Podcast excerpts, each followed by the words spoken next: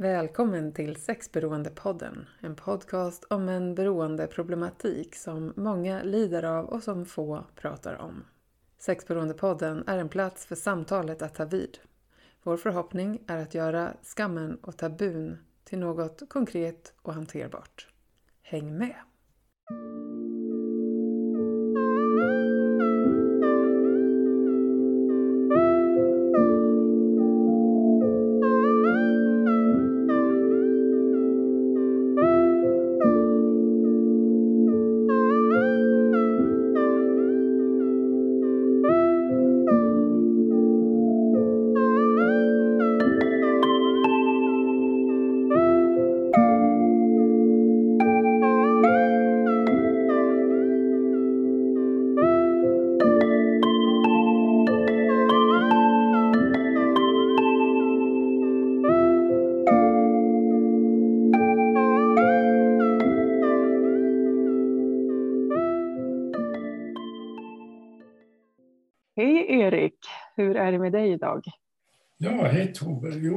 Det, det är fint med mig. Det, det, livet rullar på trots pandemin. Och jag börjar bli lite less på att sitta i den här lägenheten. Typ, alltså ett år har det varit nu. Och, och, men och det, det, är ju inte jag ensam om såklart. Det gäller för alla. Liksom. Ja. Men, eh, men ändå många som kan relatera, tror jag, ett ja. år senare. Ganska exakt precis. sådär, ett år som vi har vant oss med ett nytt sätt att leva ja, faktiskt. Ja. Vem kunde ana att det skulle bli så här, liksom, ungefär? Nej, precis. Vem kunde ana? Och eh, jag gissar att ni som lyssnar säkert kan relatera till den där frågan som jag mött många sista tiden som uttrycker att hur länge ska det då fortsätta? Och den här önskan om att eh, kanske ha en, ett slutdatum och eh, en återgång till någonting mer av det som var förr. Ja, precis. Det hade varit fint om vi kunde få det. det hade varit något. Ja, delar av det i alla fall. Det kan väl vara dubbelt det där, att gå tillbaka och, och vad ska vara som förr och vad kan vi ta med oss från det som har blivit också. Lite nya sätt att mötas, bara som det vi gör här, att kunna mötas från olika orter och ja, skapa det, fina saker. Ja, precis. Det, det är ju, skulle kunna ha en hel serie poddsändningar om bara den frågan. Liksom. Och faktum är faktiskt, det är faktiskt så att antalet hjälpsökande på DBK har ju ökat väldigt mycket. Alltså. Framförallt det senaste halvåret. Liksom. Men också ja, nu så det ökar hela tiden. Det är väldigt många människor som söker hjälp just nu. Och du och jag har ju pratat lite innan vi började spela in idag och jag förstår ju det som att flera av de som kontaktar er nu senaste tiden har lyssnat på podden och de avsnitt vi har spelat in bland annat. Ja, just det. Så det verkar vara en bidragande orsak. Men jag kan ledande fråga ana att också pandemin kan ha öka eh, behovet mm. av stöd. Kan det vara så? Ja, det är svårt att hålla ett hemligt liv. Alltså i sin, i sin partnerskap, till exempel. Mm. Och bor man själv så, är det, så, så konfronteras man med ångesten på ett helt annat sätt. Eh, på grund av isoleringen och, och att man liksom eh, inte har lika, höga, lika mycket möjligheter att ha ett socialt liv. och Så här. Mm. Så jag tror att man når botten i sitt sexberoende eller porrberoende mycket fortare idag än tidigare faktiskt. Och söker hjälp med anledning av det. Mm. Ja, det låter ju rimligt att det skulle kunna vrida upp tempot på mm. en del processer. Helt klart. Hur är det, finns det reflektioner som du har gjort under den här tiden som vi har sänt våra gemensamma samtal i podden? Eh, reflektioner, frågor som har kommit upp från de som har kontaktat er eller som du känner att du skulle vilja lägga till lite så där nu när vi har en möjlighet? Ja, det är ju en sak som, som förvånar mig lite grann. Som vi har fått ett antal mejl av partners eller par som, som eh, är inne på att göra den här avslöjande processen hemma. Så, va? och eh, vi, vi har ju pratat om, precis som du har påpekat Tove, så, så har vi pratat om övningar som man kan göra och så här. Men just det här avslöjande processen rekommenderar vi absolut inte att man gör hemma. Nej. Eh, vid köksbordet. Det kommer bara, eller det finns en väldigt stor risk att det kommer bara bli förvärra situationen för båda parter. Utan det behöver ske i en trygg miljö med ramar och med människor som är utbildade för att arbeta med just avslöjandeprocessen och så här. Mm. Så det är verkligen en sån här vädjan som jag har till folk som lyssnar på det här. Gör inte avslöjandedelen själva. Mm. Använd inte de terapeutiska verktygen eh, så att säga själva utan eh, Mm. sök upp professionella istället. Viktigt medskick, verkligen. Ja, Och jag kan tänka att det är säkert, mm, ja, jag kan tänka att det inte är så konstigt om man i en ganska svår livssituation hör att det här skulle kunna ha möjlighet att man väljer att prova det här med själv i en frustration. mm, mm, Ehm, samtidigt som härifrån sidan så ser jag också verkligen värdet av att ha en tredje part, en neutral, lugn, stabil grund som hjälper en genom en ganska svår process som det skulle vara. Så. Ja, precis. Det är ju det. Det är ju helt förståeligt att man vill göra det, tycker jag nog. Mm. Det är ju, om man ser det utifrån partners perspektiv till exempel, så det de vill veta, det är ju sanningen. Liksom. Så, Mm. För att de har blivit förda bakom ljuset och känner, sig, känner svek och så här. Va.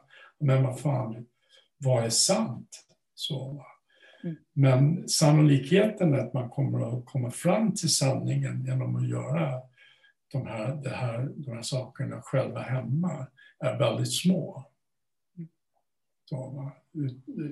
Det, är ofta så att det behöver... Jag menar, det är ju ingen slump att vi säger att eh, var och en behöver ha sitt eget forum för läkning och tillfrisknande innan man går in i ett avslöjande process. Just det.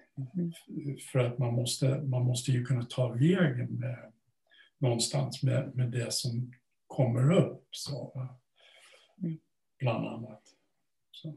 Ja, nej men väldigt bra att du stannar upp vid det här och skickar med en varm påminnelse om att eh, söka stöd i den processen. Eftersom det då finns ju stöd att få att göra det här på Ja. ett sätt som möjliggör lite att ta hand om det som kom upp på ett eh, betydligt mera, ja sannolikt mer funktionellt sätt som, som ger lite lättare förutsättningar för fortsättningen också. Ja, precis. Det är ju det. Det är ju det, är ju det att skapa liksom ramar för att det ska kunna vara utvecklande och inte förtärande. Just. Jättebra. Och eh, spännande att höra fler reflektioner från er som har varit med i podden och kommentera om det känns rätt i de sociala medier som VBK har såklart. Du Erik, idag så ska vi ta oss in på ett lite annat tema. Vi har ju nu gått igenom de eh, grundprinciper som ni jobbar med.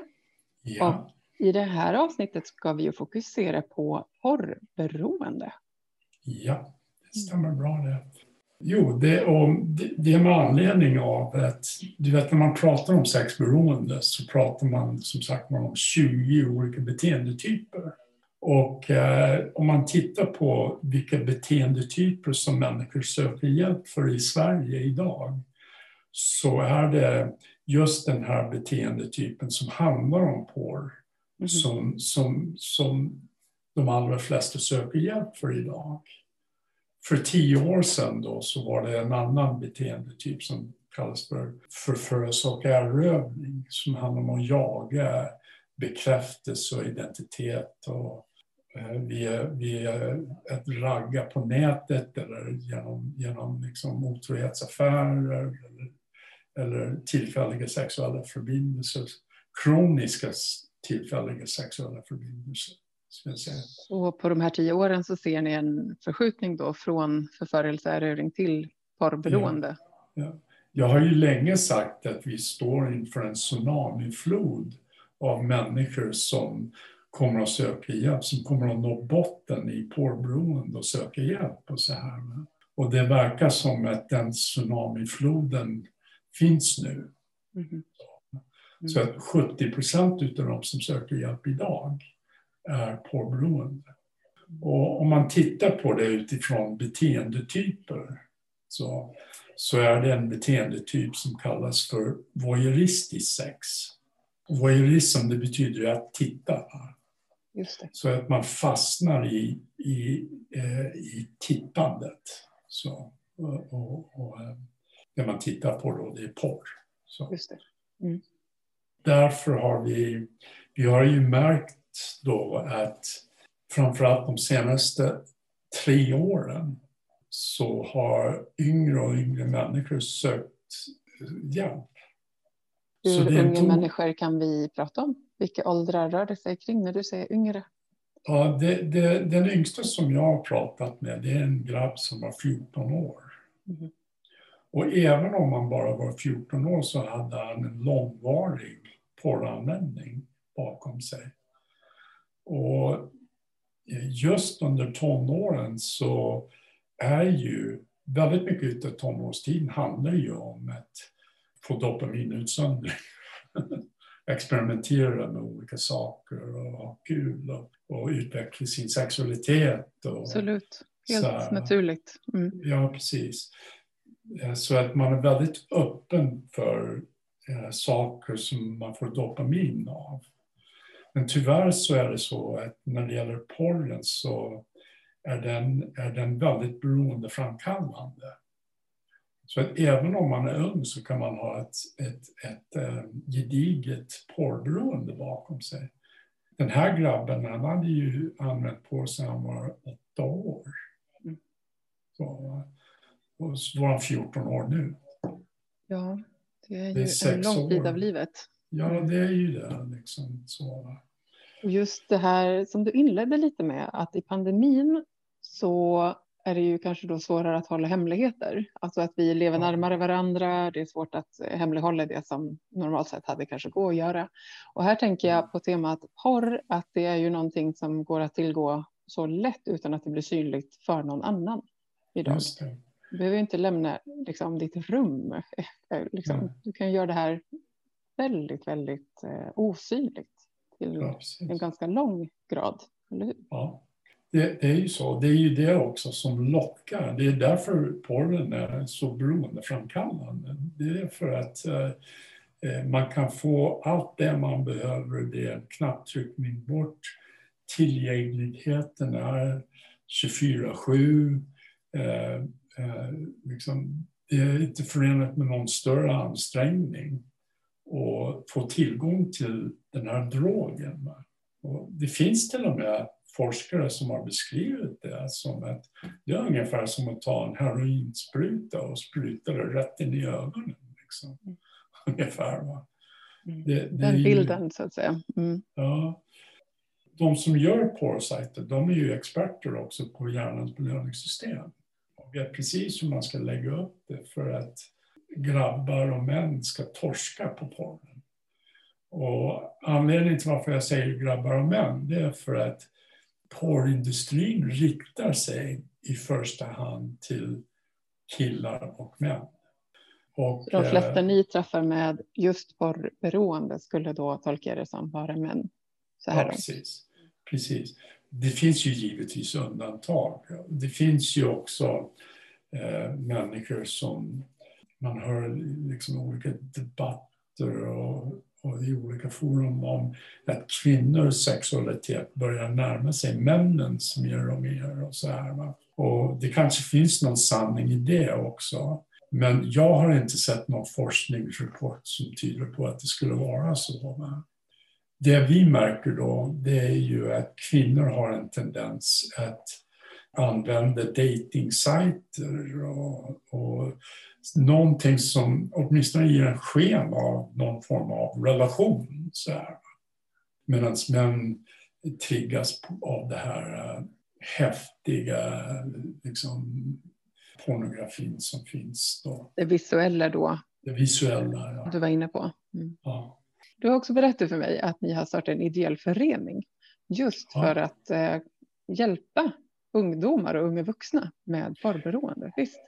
Ja, precis. Vi har, vi har startat en ideell förening som heter Porrakuten.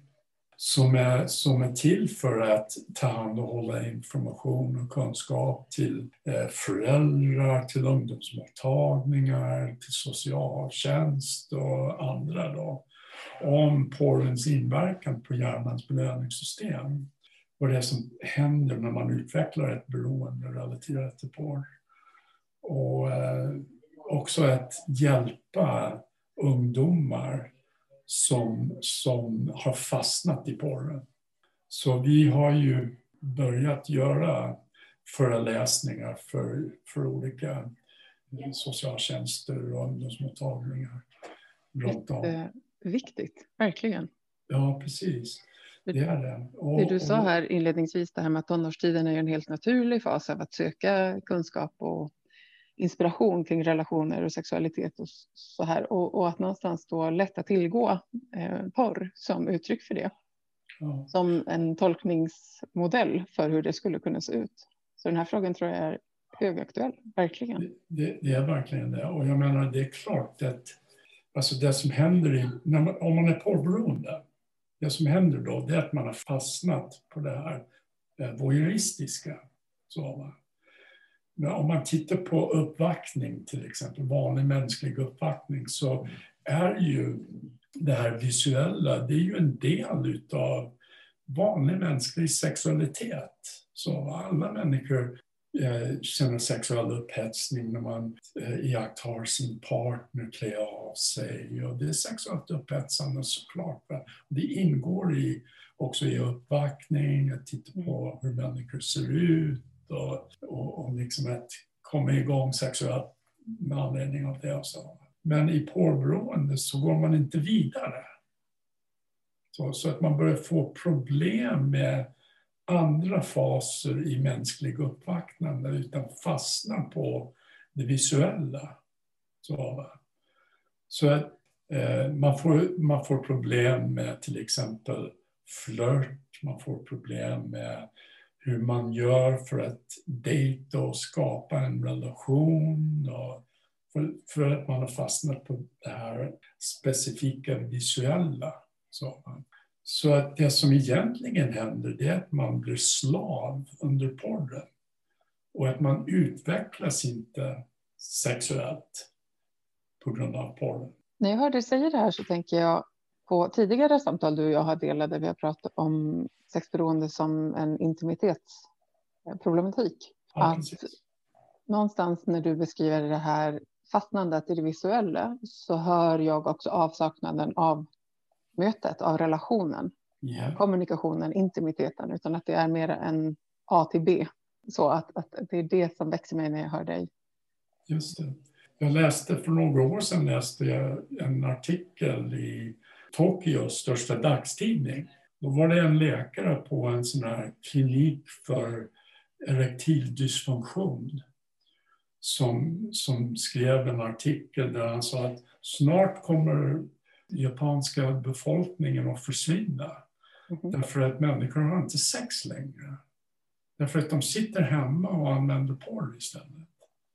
En ersättning för relation och eh, mötet så att säga. Mm. Ja, precis. Det finns ju ett antal olika faser i uppvaktning. Mm. Så, och i, i sexuella upphetsningsmönster som är väldigt, väldigt viktiga, som är arttypiska för, alltså typiskt för människor. Eh, som, som, som inte fungerar för människor som utvecklar ett porrberoende om vi tänker tillbaka på de samtal vi har delat där vi har arbetat oss ifrån det här mer objektifierandet eller att ja. eh, skapa distans eller inte veta någonting annat än att ha en distans i mm. sitt förhållande. Och Precis. att under parprocessen, som jag varit inne på förut, ju utveckla intimitet med sig själv i sin relation, både känslomässigt och, och sexuellt. Mm. Så tänker jag att det du nu beskriver kring porrberoendet för mig blir som en, en förflyttning tillbaka in i att vara i med det här trygga rummet med sig själv och att ha en idé om att man är sexuell fast det är i, i, i en inre värld. I så säga, en fantasivärld men där du får ett visuellt stöd för det. Ja, precis. Mm. Ja, precis. Och det är ju precis det det är. För att eh, som sagt var, porrberoende är ju ett sätt att plocka bort sig själv ur nuet. Det är ett sätt att dissociera och dra sig, dra sig undan. Så det, det, verkligheten kommer inte in i den bubbla som skapas. Och om vi då skulle stanna till vid, låt säga att det är första gången någon lyssnar på den här podden och på det här temat, så har vi ju tidigare nämnt det som är kriterier för att benämna någonting som en beroendeproblematik. För jag tänker att det finns ju många människor där ute som konsumerar porr och som inte skulle behöva eller själva ser sig som beroende. Kan vi få din hjälp, Erik, att eh, påminnas om kriterierna för beroende? Just, det. just hur man märker porrberoende i så fall. Mm, just det. Först och främst så är det ju så här, det kan vara bra att veta bara som en parentes, så här, att um, de flesta siffror som anger liksom antalet porrberoende i en, i, ett, i en kultur så, eller i ett land, så det är mellan 3 till 6 procent av befolkningen. Då. Mm -hmm. Det är siffror som kommer ifrån SASH, Society the, for the Advancement of Sexual Health i USA. Så det är en branschorganisation av människor, sexologer och professionella terapeuter som arbetar med porrberoende och sexberoende. Och då pratar vi mellan 3 till 6 procent av befolkningen? Ja, men om du går ut på nätet ett specifikt ögonblick så ökar ju den siffran till 10 procent. Så att 10 procent av dem som är ute på nätet ett givet ögonblick skulle kunna diagnostisera, ha, ha de symptombeteenden som porrberoende människor har. Så. Så de här 3 till 6 procenten skulle man kunna säga att är av en hel normal population, men där kanske man också har med människor som inte är så digitala exempelvis. Exakt, det är det okay. som är poängen. Ja, det är väl inte så konstigt egentligen. Alltså om du är utanför bolaget klockan 10 en lördag morgon så är sannolikheten att antalet alkoholister som står där och väntar på, jag vet inte alls när bolaget öppnar tid på lördagar. Men, det låter rimligt där någonstans. Ja, ja precis. Att, att, att, um, sannolikheten är att det är ett större antal alkoholister som väntar där än vad det är så att säga på tunnelbanan. Precis. Mm. Tio mil därifrån eller så. Så att man samlas på specifika ställen. Det kan vara bra också för föräldrar att veta om. Alltså att antalet sexberoende personer, sexberoende män som är ute på nätet är större än eh, befolkningen för övrigt. Därför att de tenderar att samlas där, antingen i porr eller också i raggningsbeteenden eller förförelse och erövring via dejtingsajter.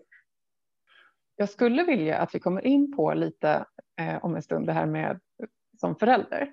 Vad gör man då? Men jag tänker just det här med definitionen av ett beroende, för du har förut pratat ja. om det att man kan ha en intention att sluta, men det går inte. Eller man kan ha en idé om hur mycket eller när man ska mm. konsumera eller ha ett visst beteende och man förmår inte ändå eh, hålla sig till det man har eh, Precis. tänkt. Just. Ja, absolut. Nej, men det är väl det, det, jag kan väl um, berätta då att um, till exempel att inte kunna sluta använda porr eller sluta delta i de beteenden som är förknippade med porranvändning trots upprepade försök att göra så. Det är ju ett symptom på att man har porrberoende. Och då är det cirka 90 procent av, all, av alla porranvändare berättar att de gjort misslyckade försök att sluta. Det är en ganska hög siffra. Verkligen. Mm. Det räcker ju inte med det så att säga, utan det finns ju fler sådana här symptom som behöver finnas med för att man ska räknas som porrberoende. Till exempel att uppleva ett oemotståndligt begär efter porr. Och då, det hänger ihop med ungefär som drogberoende personer beskriver hur, hur stark de känner, de känner eh, ett begär efter sin drog kan porrberoende människor också uppleva samma begär att använda porr. Så det finns ju väldigt mycket likheter i porrberoende och drogberoende. Faktiskt, väldigt mycket likheter. Att man kan bli arg eller fientlig eller irriterad när man uppmanas att sluta använda porr av sin partner eller kompisar eller så här. Så porrberoende person kan förneka sin porranvändning eller bli upprörd när vänner eller nära och kära talar om för en nu måste du sluta med det här. Och eh, en annan sån där grej det är att man döljer hela eller delar av sin porranvändning för sin partner eller andra nära och kära. Att hemlighålla. Mm. Ja, precis. Att hemlighålla. Och porrberoende leder ju till ett hemligt liv i, i, relationer. Och det är klart att det skadar ju tilliten och det ömsesidiga förtroendet som finns i en parrelation. Så, så det är också ett symptom på porrberoende. Och, och att leva ett dubbelt liv eller ett hemligt liv på grund av porranvändning. Det är nästan samma sak. Men det behöver inte vara relaterat till sina nära och kära utan man kan leva ett hemligt liv ändå. Även om man är själv. Mm. Mm. Det som är så att säga grunden för det där det är ju personer kan känna skuld eller skam och, och på grund av skulden och skammen arbeta hårt för att inte poranvändningen ska komma fram. Så, så att man isolerar sig i, sitt, i sin lägenhet eller hem. Går inte ut, liksom missar saker på jobbet eller skolan. Man söker inte den där eh, vidareutbildningen utan man är hemma, man är undandragande och i sin egen bubbla. Mm. Börjar kosta så att säga av andra områden av livet som egentligen ja, i grunden skulle kanske man vill ju gå till men inte får plats eller avstår för att beroendet ska få eh, sin plats så att säga. Just mm. En reflektion när jag lyssnar ja. så kan jag tänka att när vi då pratar ungdomar ja. och unga vuxna så är ju det ändå en tid av att prova olika sätt att relatera till andra människor, vilket sammanhang vill man vara i och att få öva det är en testperiod av livet på något sätt att eh, både vara i, i någon form av nära relation med sina föräldrar och vänner, men också en självständighetsutveckling.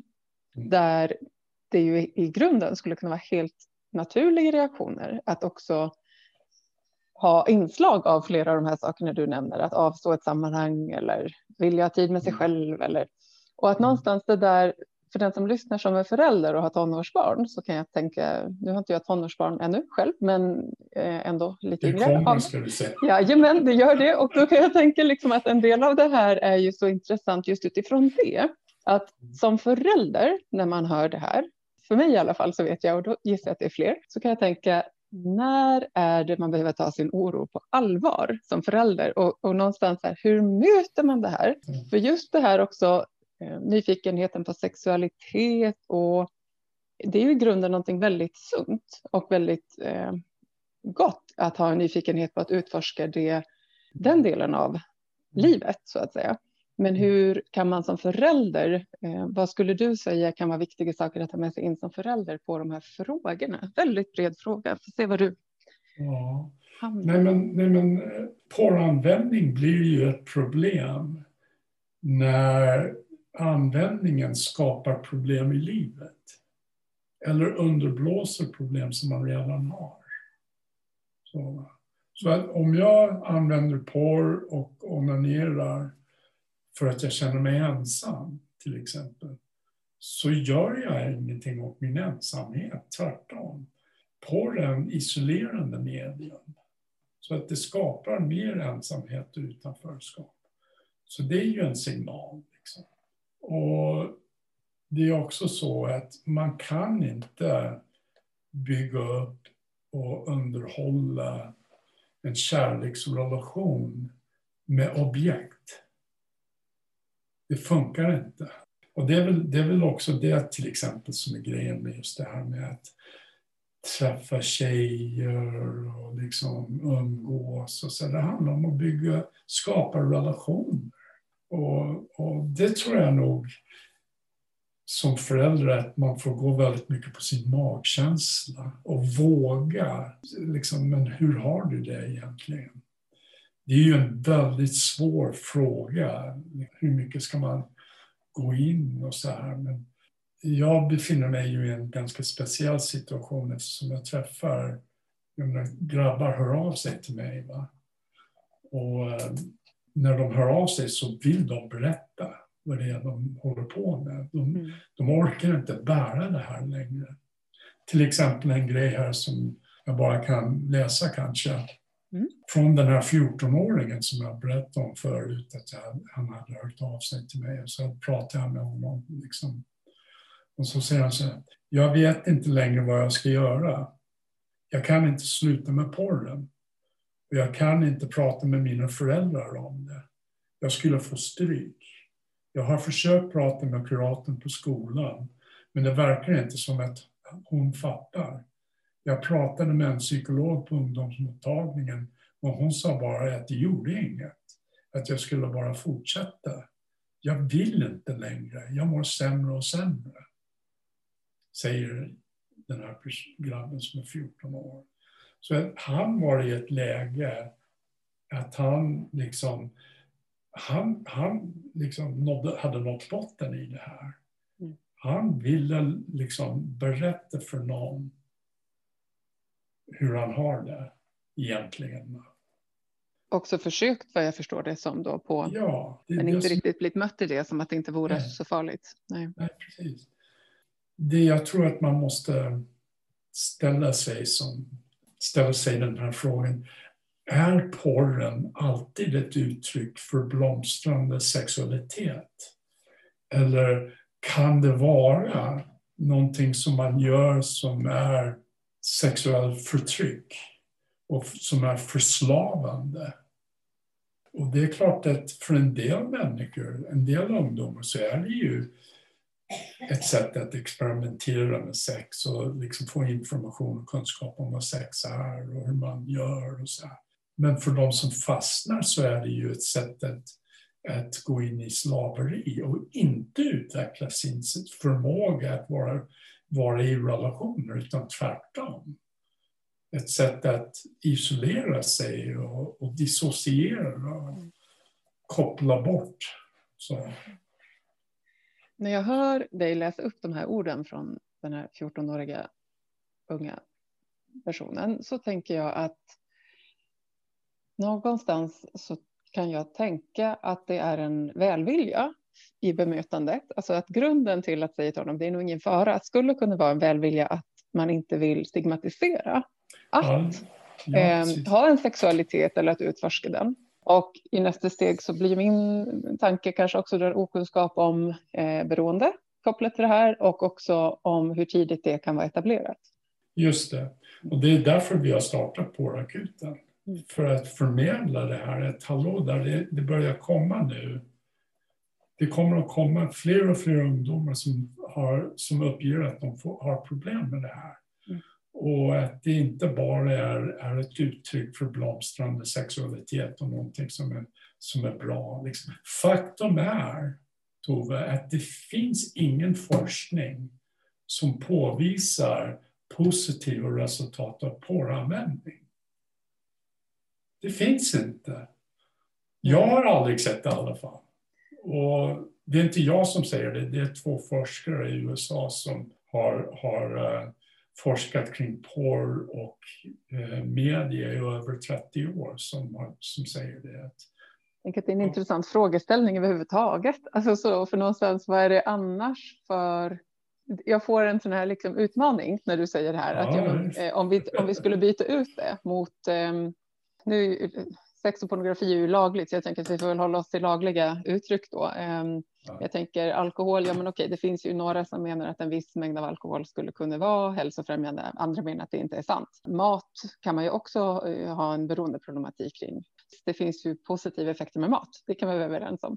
Men mm. här pratar vi ju ändå om där det tar sig liksom, eh, tvångsmässiga uttryck och också används för, som du säger, att Eh, eh, komma ifrån, fly undan känslor som en ångesthantering. Ja, just det. Men jag, jag, tycker det är intressant också när, när forskare säger så här att um, det, det, finns ju egentligen ingenting positivt med porr. Men för den som tittar så kan jag tänka, om, om vi skulle liksom rannsaka den som lyssnar nu, alltså om vi tittar då på att det fyller en funktion. Ja. Alltså en upplevd positiv funktion måste det ju ändå finnas, annars hade ju inte människan återvänt dit. Men ja, det. det. är ju en skillnad tänker jag. Alltså, mm. För mig när jag hör det så tänker jag att det kan ju fylla en funktion, annars mm. hade vi inte gått dit. Nej, man, man, får en, man får en stunds, man får en orgasm. Alltså, ja. En, en distraktion, en reaktion och så vidare. Sen är det ju så där, ja men gav den någonting av värde till livet i övrigt? Det är ju kanske det är det jag menar. tveksamt. Det, Nej, precis. Mm. Ja, det ger inte någonting, liksom, någon effekt, eh, någon positiv effekt på en persons liv egentligen, utan det är en sån här tillfällig lindring. Och när vi tänker oss då yngre människor som går in i att utforska det här och som utvecklar beroendeproblematik i det kanske tidigare än man anar så kan jag också tänka att pornografin är ju inte ja, men den är ju svår att komma undan via lagstiftning så som alkohol till exempel eller tobak. Mm. Ja. Här är det ju tillgängligt via sin telefon eller. Ja, precis. Det är ju, det är ju liksom åtkomlig. Mm. Och Alltså, om man, tittar på, man kan titta på processen när man utvecklar ett porrberoende kanske. Då sker det på ett specifikt sätt såklart. Det finns delar i en process liksom, när man utvecklar porrberoende. Man, man liksom, det börjar på med att man tittar på porr, man använder porr. Och, men när man använder porr så tror ju hjärnan att man tittar på potentiella sexpartners. Så att den hjärnan utsöndrar dopamin då. För att det är ungefär som en, en alltså driften är att sprida säd. Va? Det är ju det. Liksom. Och, och, då när man får massa potentiella sexpartners runt omkring sig så säger hjärnan ungefär ja men här gäller det att bete sig som en hare på våren. Det är, liksom, det är bara att gå på här nu. Och därför utsöndrar hjärnan dopamin. Att för... mänskliga kroppen är inte mera smart än så, utan man, man, får den fysiska reaktionen trots att det är bara visuellt på skärm. Så att säga. Ja, precis. Och det där hänger ihop med artens överlevnad. Så det är ju det det handlar om. Liksom. Och, och, I det sammanhanget så pratar vi som jobbar med beroende om att hjärnan, hjärnan kidnappas av belöningssystemet. Så. Och dopamin som hjärnan utsöndrar får personen att må väldigt bra. Och eh, ger också hjärnan motivation att fortsätta, fortsätta att titta på porr för att eventuellt så kommer man kunna sprida sitt säd. Och, och eftersom nätporren ger en obegränsad utbud av färska, i parentes, partners, talar hjärnan om för personen att man ska hänge sig åt detta gör detta. Och när personen slutar, oftast genom att man får orgasm, är man helt utmattad. Medan hjärnan försöker behandla den extrema mängden dopamin som utsöndras. Och det, det, är därför jag sa tidigare då att porrindustrin riktar sig till pojkar och män. För att de förstår det här vad som händer i hjärnans belöningssystem när man använder på för, för killar och för män. Att hjärnan kidnappas. Hänger du med? Jag fråga? Eh, behöver ställa följdfrågor på det, för jag tänker då för de som möter kvinnor, nu, som du säger så är det ju eh, av er erfarenhet vanligare med män som blir beroende av porr. Mm. Men belöningssystemet för män och kvinnor ser väl relativt lika ut, tänker jag. Alltså det påslaget som kvinna som ser på ja. porr och eh, får orgasm och eh, sen går in i den här tröttheten borde ju fråga se ganska lika ut, eller? Ja. Alltså här är man inne på saker som, som jag, jag måste, eller jag, jag, jag använder bara det som går att bevisa. Va? Så att allt det jag pratar om finns det forskning kring. Man, man kan anta att, att uh, det är likadant för kvinnor, men det vi märker, det det finns forskning på, det är ju att om man tar det här ordet cybersex, cybersex, det är samlingsordet för två kategorier av sexuella uttryck som finns på nätet. Den ena kallar vi för sociala medier och den andra kallar vi för isolerande medier. Och det innefattar de sexuella uttryck som finns på nätet. Mm. De är antingen sociala medier eller isolerande medier. Porr är en isolerande medie. Och, um, porrindustrin riktar sig till pojkar och män. Så. För att det är där som man kan lura hjärnan. Kvinnor däremot har mer, mer tendens att utveckla tvångsmässighet kring dating-sajter, kring webcam till exempel, eh, och flört och, och att jaga eh, relationer via nätet. Så, Belöningssystemet för kvinnor skulle vara mer aktivt i den typen av situationer kan man tänka. Ja, precis. Om vi jämför det med det då. Mm. Ja, ja, men okej. Då, då är jag mer med hur du menar. Tack. Ja, mm. precis. Mm. Absolut. Ja. Och det, det som ser ut idag, men det betyder inte att det är skrivet i sten. Liksom.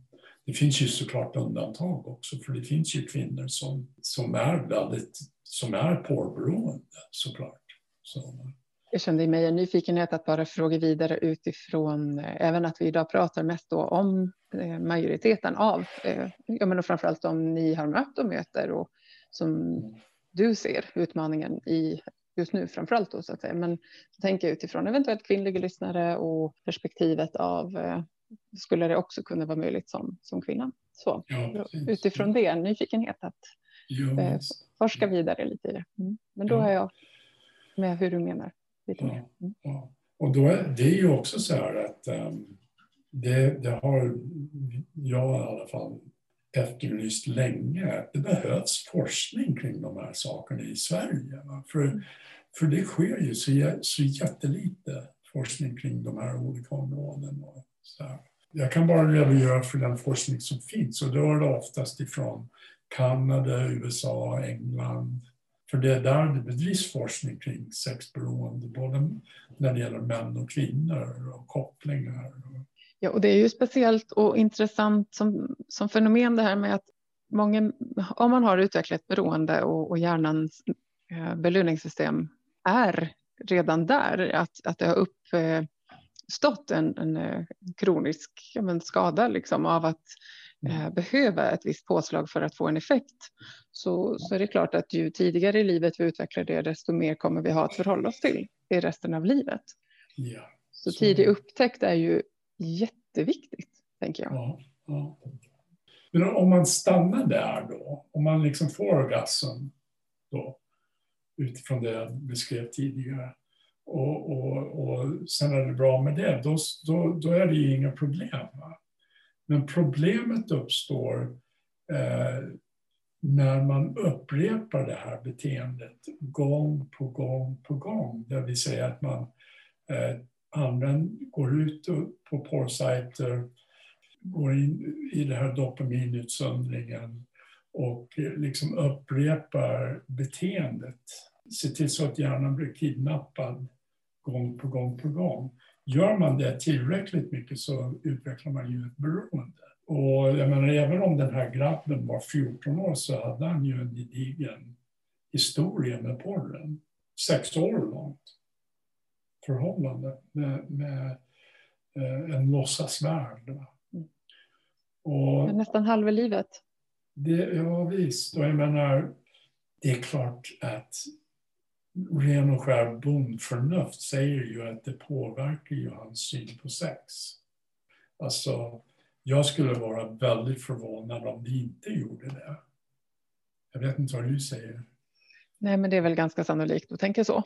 Såklart. Ja. Och så tänker jag utöver det att om man har en person som är 14 år gammal som själv ger uttryck för att det här är smärtsamt, att man vill sluta men inte förmår. Så blir ju fantasin eller hypotesen härifrån när jag lyssnar också att det här påverkar flera livsområden för en person som är 14 år gammal. Det tycker jag också i grunden är väldigt allvarligt på temat psykisk hälsa, men också en period av livet där vi ska kunna väldigt mycket fokusera på vänskapsrelationer, identitetsskapande, eh, välja yrkesbana. det är en väldigt viktig tid i livet att få fokus till mm. Eh, en helt annan repertoar mm. av valmöjligheter än vad jag hör det som att man har tillgång till i ett aktivt beroende. Mm. Därför tänker jag att det är så viktigt det här som, som du berättar om idag och det är mig glad att ni också har fått eh, möjligheten att gå ut och föreläsa ja. med socialtjänst. Det tycker jag är väldigt bra. Det, det behövs verkligen. För mm. det är ju, det är ju um, inte så lätt att navigera i det här och ställa de här obekväma frågorna också. För det är ju det man behöver göra. Då. Om någon liksom mejlar mig och, och, säger så här att jag kan inte sluta använda porr.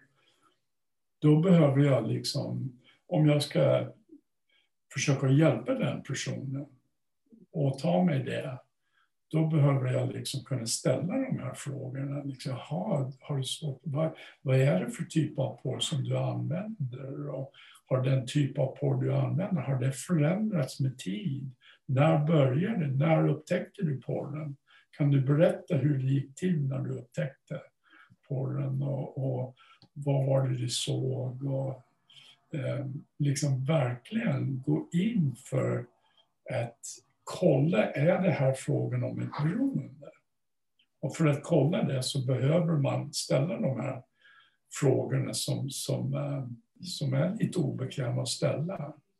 Men min erfarenhet är den, och jag vet ju inte om det beror på att jag jobbar med sexberoende och porrberoende så att folk vet om det när de hör av sig till mig.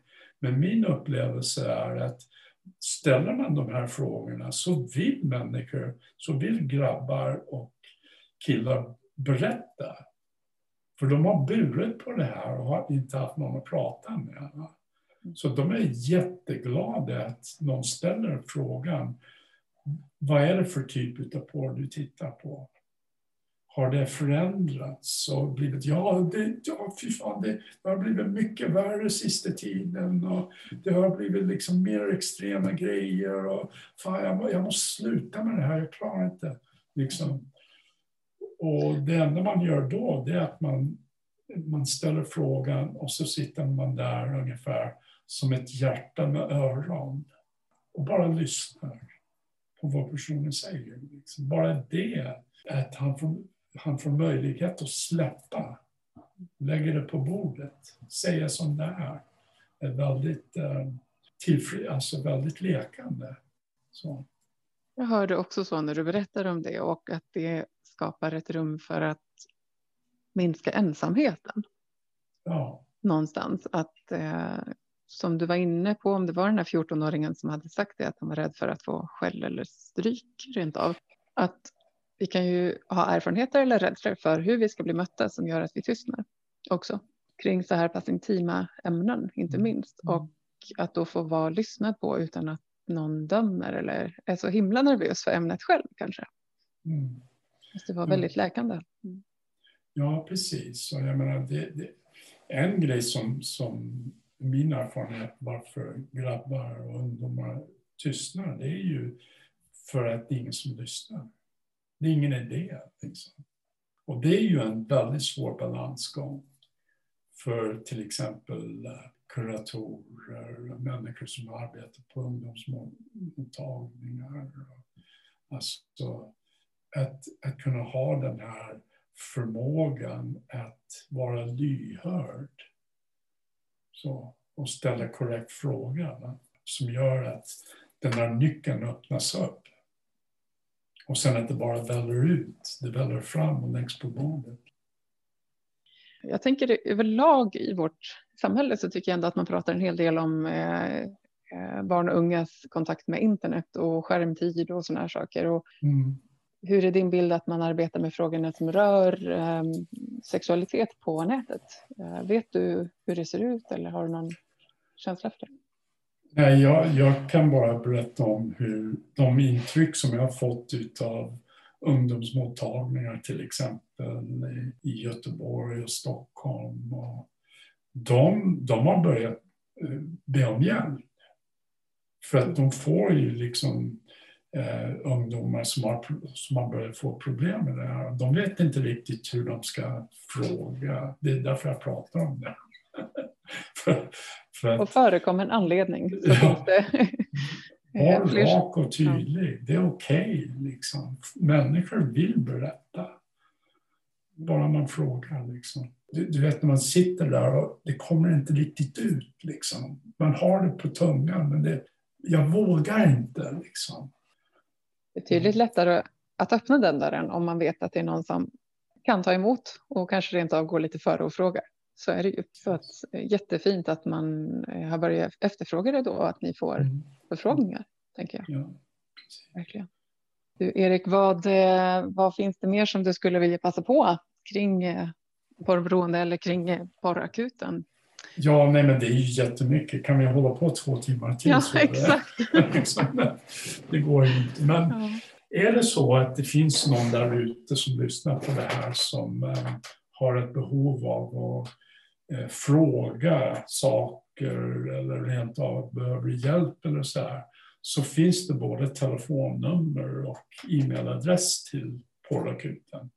Telefonnumret, jo det är 070 965 4348. Och om man vill skicka eh, en e-mail? Då är det porrakuten gmail.com. Jättebra. Porrakuten gmail.com. Ja. Och om man vill läsa mer om porrberoende, ja. finns det någon sida du kan rekommendera då med information? Det finns ju en nyligen kommen bok som heter Stora porrboken. Som, jag har inte läst den själv, men jag har hört av andra att den ska vara väldigt bra, innehåller väldigt mycket relevant information och sådär. Stora porrboken. Ja. Vi har ju också material som vi kan skicka till folk som bland annat bra att veta om porrberoende. En jättefin pdf ja, om precis. just porrberoende. Så den kan man alltså ja. få om man ja.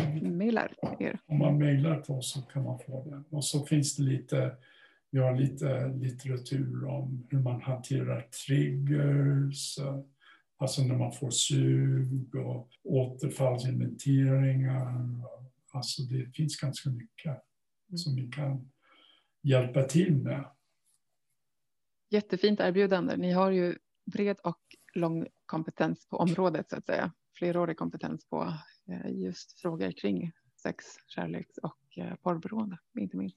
Ta tillvara på det erbjudandet skulle jag säga till dig som lyssnar och eh, skicka ett mejl till porrakuten gmail.com för att få lite mer kött på benen kring de här frågorna.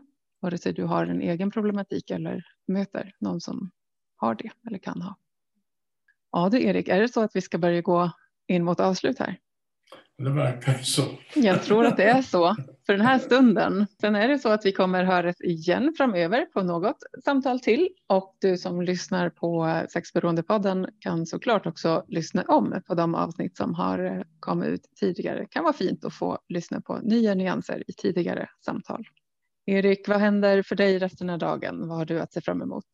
Ja, jag har ju samtal jag ska ha med patienter och så där hela dagen. Så nästa grej på dagsschemat är ett parsamtal. Spännande. Sen ska jag träffa en, en 17-åring som kommer via porrakuten faktiskt idag på eftermiddagen. Meningsfulla möten på ingående. Det är gott. Mm.